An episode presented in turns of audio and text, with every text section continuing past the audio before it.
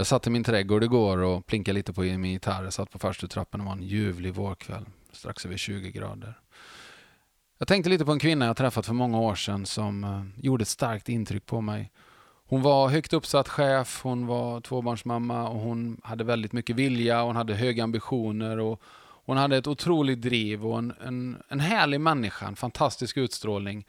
Men våra vägar korsas och vi hade några samtal tillsammans där jag fick se en liten annan bild av henne, där hon blottlade bitar av hennes själ som hon tyckte var väldigt jobbiga.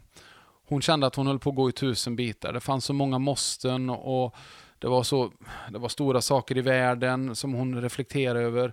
Det var saker hemma på gatan, i familjen och allt det här blandades liksom och det blev en, som en mörk energi som bara åt på henne och hon kände att hon visste inte hur hon skulle hantera detta. Jag tittade på henne och sa att jag tror din själ behöver ett staket.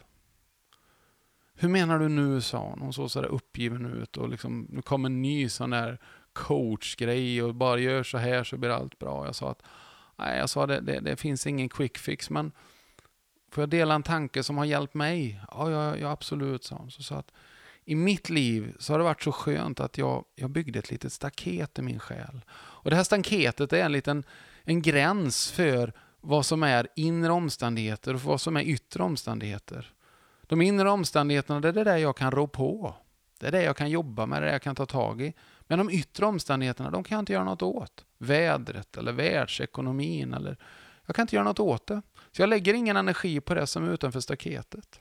Men jag tror också det är väldigt viktigt att det är ett staket. Jag såg hur hon verkligen lyssnade på mig.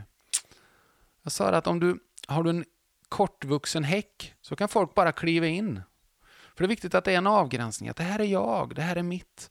Vill du komma in så bjuder jag in dig.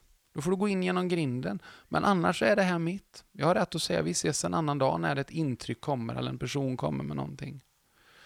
Om du istället, om vi tar motsatsen till den nedklippta häcken, om du bygger en hög mur, då blir det väldigt ensamt. Du kommer sitta där själv, det kommer vara rätt så kallt i skuggan för solen når inte in, det kommer inte växa något och det blir inte roligt. Men ett staket, det kan se fint ut och det fyller en funktion. Och ibland kanske vi kan flytta staketet. Ibland behöver vi mer space som vi säger. Jag tror att överlag så, så ibland behöver de här utrymmena, vi flyttar ut staketet lite så vi får ha en zon där det bara är vi.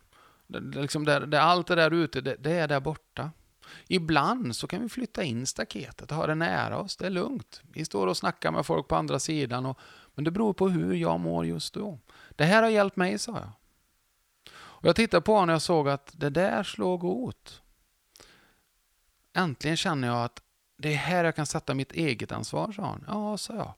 Jag gillar inte att sitta i en bil som någon annan kör, speciellt inte om det är bilen i mitt liv. Sitter jag i en vanlig bil så får vem som helst köra, men i mitt liv vill jag hålla i ratten. Jag vill inte att någon annan håller i ratten. Och jag har en begränsad mängd energi och det vill jag välja vad jag lägger den energin på.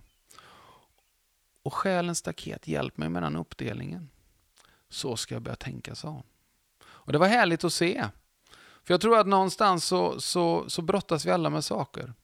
Och någonstans måste vi ha en avgränsning, att det här orkar jag med nu, det här kan jag påverka, det här kan jag inte påverka. Och när vi gör den selektionen så blir det mer tydligt vad vi kan jobba med och vad vi inte ska jobba med. Om vi ska jobba överhuvudtaget. Ibland får vi vara i trädgården och bara lata oss. Det kan finnas saker på insidan som, som heller inte ska vara där. Då får vi luka lite i landen. Men du kan påverka det. Du håller i ratten i ditt liv. För det kommer alltid hända saker på utsidan som inte är roliga, som är jobbiga. Men vad kan vi göra åt det? När det händer så händer det. Våra vägar korsades faktiskt efter några år och det var mycket folk runt omkring, vi hann aldrig prata, men hon kom fram och hälsade, vi kramade om varandra och jag sa, jag ser att du mår bra, ja det gör jag, sa hon. Jag har faktiskt byggt ett staket nu, sa hon. Och så blinkade hon och där skildes vi åt. Jag var tacksam för att något litet jag har sagt har hjälpt henne. Hon har gjort en fantastisk resa. Hur ser det ut i din trädgård? Har du ett staket? Eller är det dags att börja bygga ett? Jag vet inte. Jag tror du behöver ett. Jag hoppas vi hörs snart igen.